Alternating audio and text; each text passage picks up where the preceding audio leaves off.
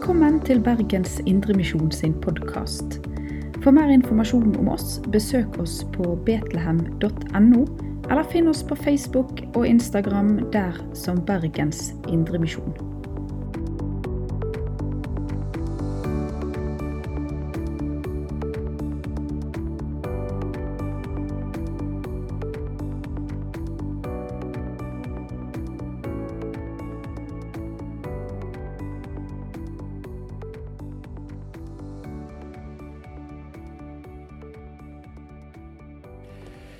Ja, takk for invitasjonen og takk for velkomstord.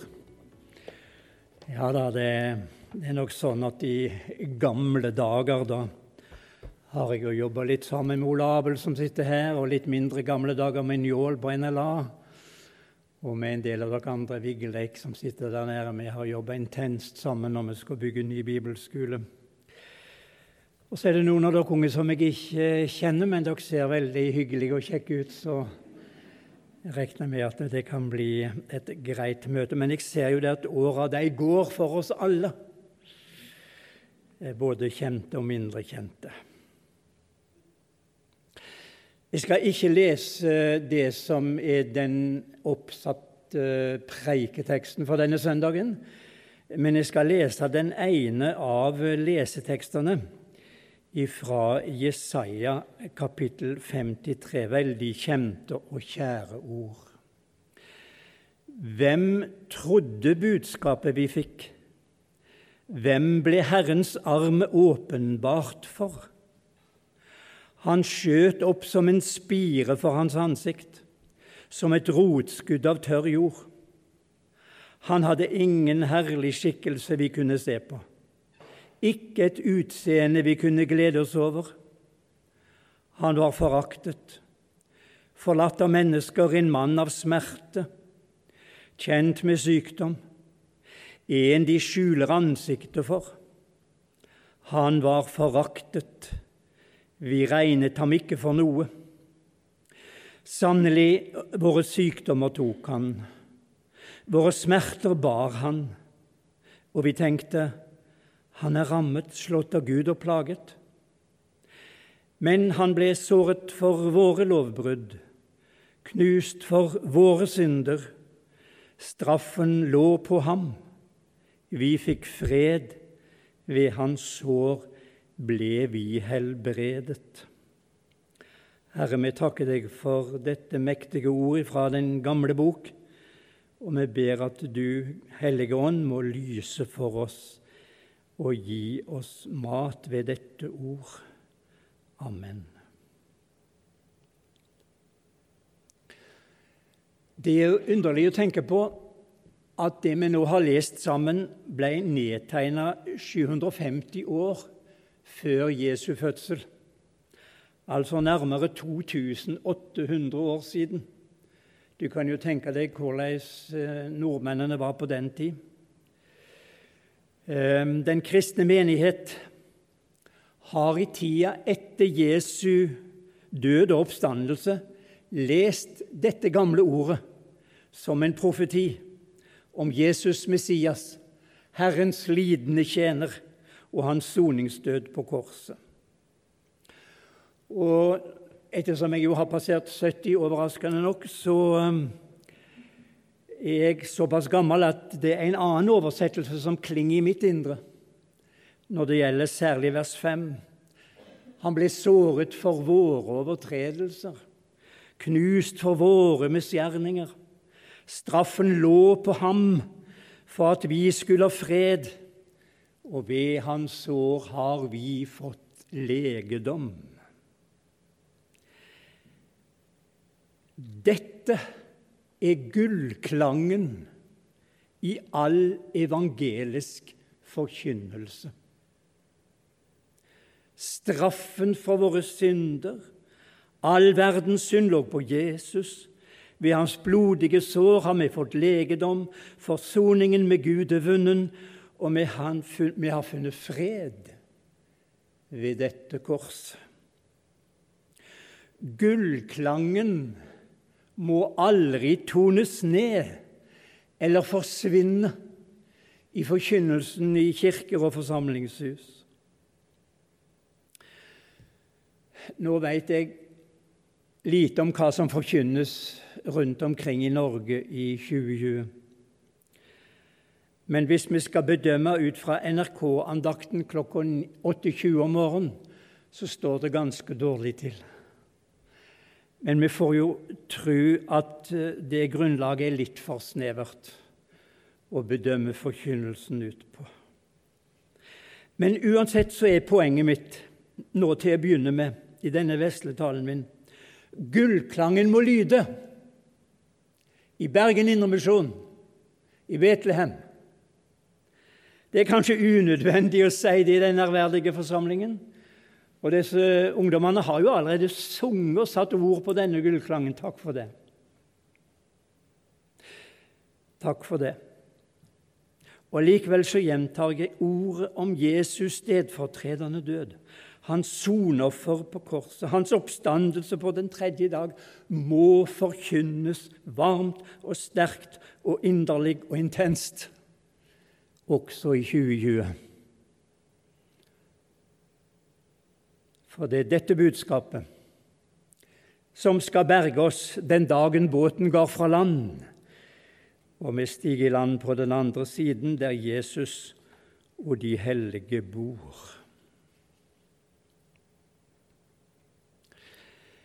Med denne gullklangen i hjerte og sinn kan vi stige ut i livet med frimodighet, tross alle våre mangler og skrøpeligheter. For vi som bekjenner Jesu navn, vi kjenner veldig godt til våre egne feil og mangler. De kjenner vi veldig godt. For den skatten vi har fått, den har vi fått i skrøpelige kar, slik vi leser i 2. Korinterbrev 4,7. Vi har denne skatten i leirkrukker for at den veldige kraften skal være fra Gud og ikke fra oss selv. Nå kjenner vi ikke leirkrukker fra vårt daglige liv lenger. Det hører jo til i en annen kultur og i en annen tid. Men vi vet jo allikevel at leirkrukker de står i stor fare for å bli knust eller ødelagt i bruk. Og dette bildet med disse leirkrukkene det uttrykker en veldig viktig del av det som vi vil kalle for den kristne realismen, den bibelske realismen. Det er et viktig ord for oss som kristne å få med oss at vi har en skatt. Ja, vi har en skatt, men vi har den i leirkar. Det er en irriterende sannhet. Det er en slitsom sannhet. At vi hele livet skal bære denne dyrebare skatten i et skrøpelig kar. Og det er så ille at det er våre kår. Derfor må vår frimodighet kombineres med ydmykhet og med sannhet. Vi må tåle sannheten.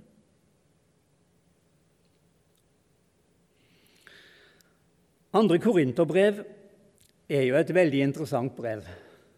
Så hvis det er lenge siden dere har lest og bladd litt i det, så burde dere kanskje lese det på nytt.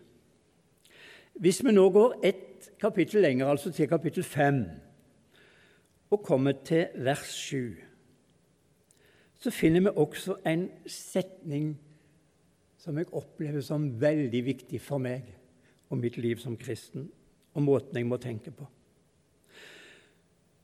For der står det nemlig sånn, andre kor 5-7.: Vi vandrer i tro uten å se. Det skriver apostelen Paulus. Og eh, som jeg alltid har minnet dere om, jeg har passert 70 år, og jeg har lest Bibelen på mange andre utgaver. Så i min, i, i min tanke så lyder dette sånn Vi vandrer i tro og ikke i beskuelse. Det sto der i gamle dager, gjorde det. Vi vandrer i tro, ikke i beskuelse. Det er også en av disse grunnleggende sannhetene som vi aldri må glemme. For det er jo sånn at opp gjennom historien så ser vi igjen og igjen at det har vært enkeltpersoner og kristne bevegelser som nettopp har sagt at du må se. Og denne trangen ligger naturligvis i alle kristnes hjerter. Vi vil så gjerne se. Vi vil så gjerne ha noen gudsbevis underveis. Ja, sånn er vi skrudd sammen, alle sammen. Men Guds hellige apostel skriver som et faktum, ikke som et spørsmål. Vi vandrer i tro, ikke i beskuelse. Det er en av grunnakkordene i kristenlivet. Og Legg også merke til den interessante sammenhengen dette verset står i. For i verset før, i vers 6, sier apostelen derfor er vi alltid ved godt mot. Og i vers 8 omtrent det samme. Men vi er ved godt mot. For en kontekst og en sammenheng. Til oss som må leve i tro uten å se. Men vi skal være ved godt mot, vi som har det sånn. Med gullklangen, den store skatten i hjertet, går vi frimodig ut i livet, sjøl om vi daglig erfarer at vi bærer skatten i skrøpelige kar, og vi lever daglig i tru på Jesus, på oppstandelsen fra de døde, på en ny himmel en ny jord, uten å se det vi håper på og venter på. Slik er det å være en kristen. Og det har vi lært av Guds ord gjennom den hellige apostel Paulus.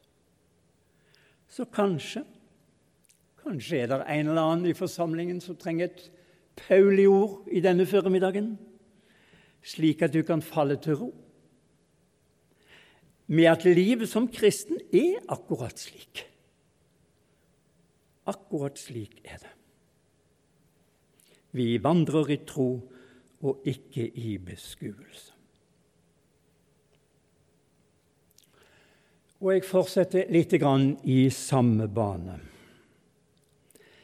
Ettersom vi ikke ser lenger enn til første sving Og Den realiteten deler vi jo med alle mennesker. Vi ser ikke lenger enn til første sving i livet vårt.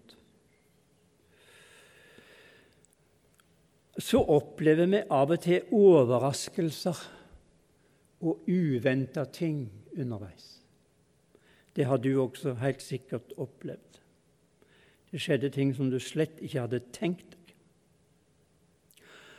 Og av og til så er det jo rett og slett sånn at vi sjøl roter livet vårt til.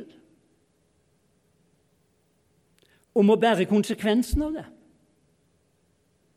Livet er ganske konsekvensrikt også for et Guds barn.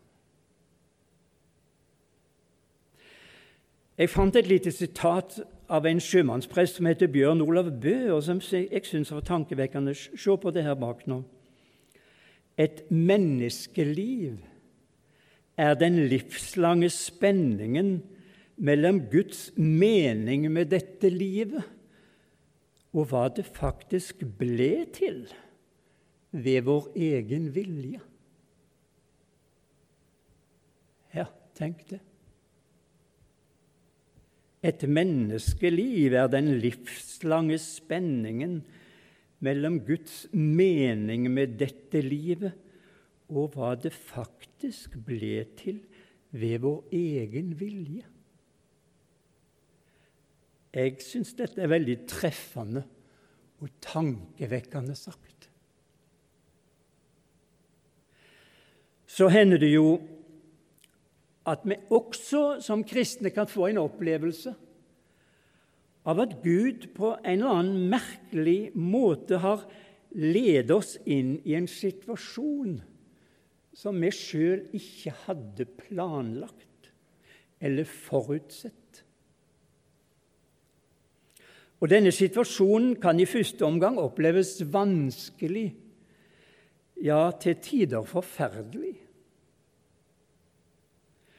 En slik overraskende opplevelse hadde disiplene i det vi leser om i Markus 6, 45 og verset etterpå der. Jesus har nettopp metta 5000, og han sender disiplene i båt ut på Genesaretsjøen. Sjøl gikk han opp i fjellet for å be. Det ble storm, og disiplene ble livredde.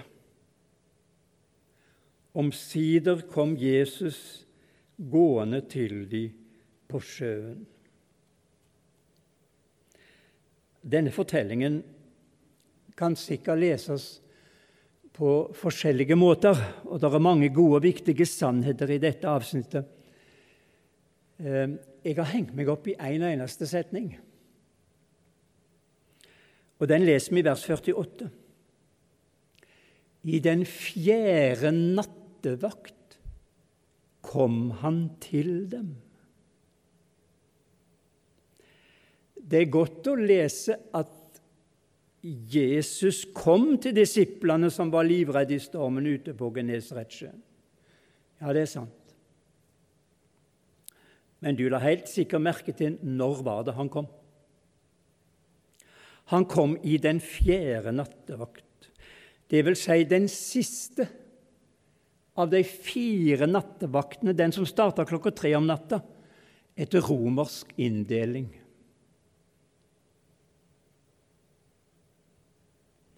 Hvorfor måtte disiplene vente så lenge? Hvorfor må mange kristne vente så lenge før de får svar på sine inderlige bønner?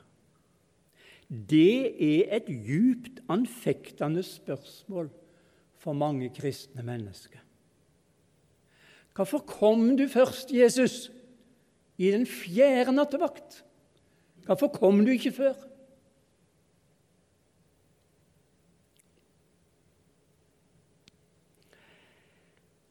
Jeg har ikke noen ord eller tanker som liksom skal løse opp den spenningen for oss.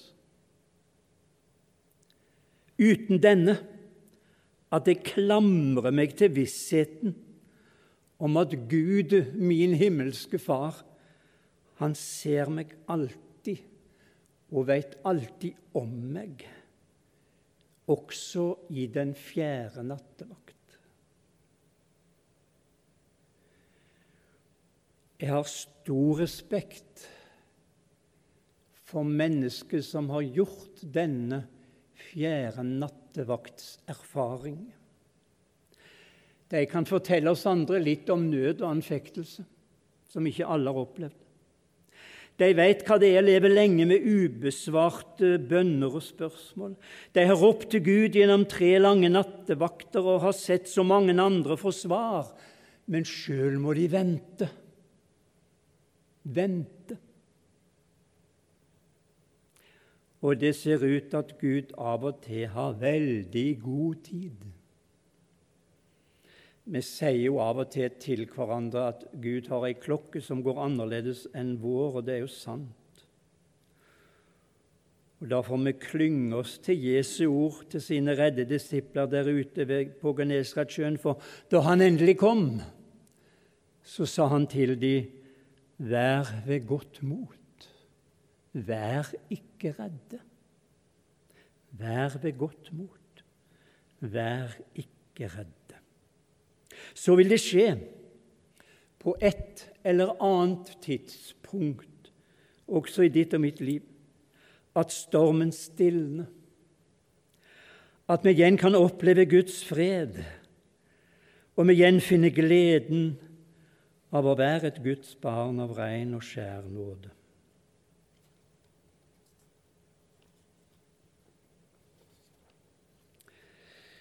som eh, lærer hever våre,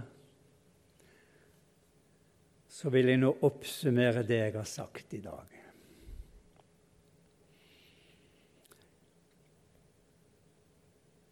Med gullklangen, den store skatten vi har fått i vårt hjerte, går vi frimodig ut i livet, sjøl om vi daglig erfarer at vi bærer skatten i skrøpelige kar, og vi lever daglig i tru på Jesus uten å se det vi håper på og venter på. Underveis kan vi bli anfekta og fortvilt, og vi kan kjenne oss igjen i disiplene sitt fortvilte rop der ute på Genesaretsjøen. Som forsamling, som menighet, skal vi da si til hverandre, kjære venn, vær ved godt mot. Gud er fremdeles din gode far. Han skal berge deg inn på sikker grunn. Vi avrunder med Filipperbrevet 1,6, også det er et ord som dere kjenner godt og er glad i.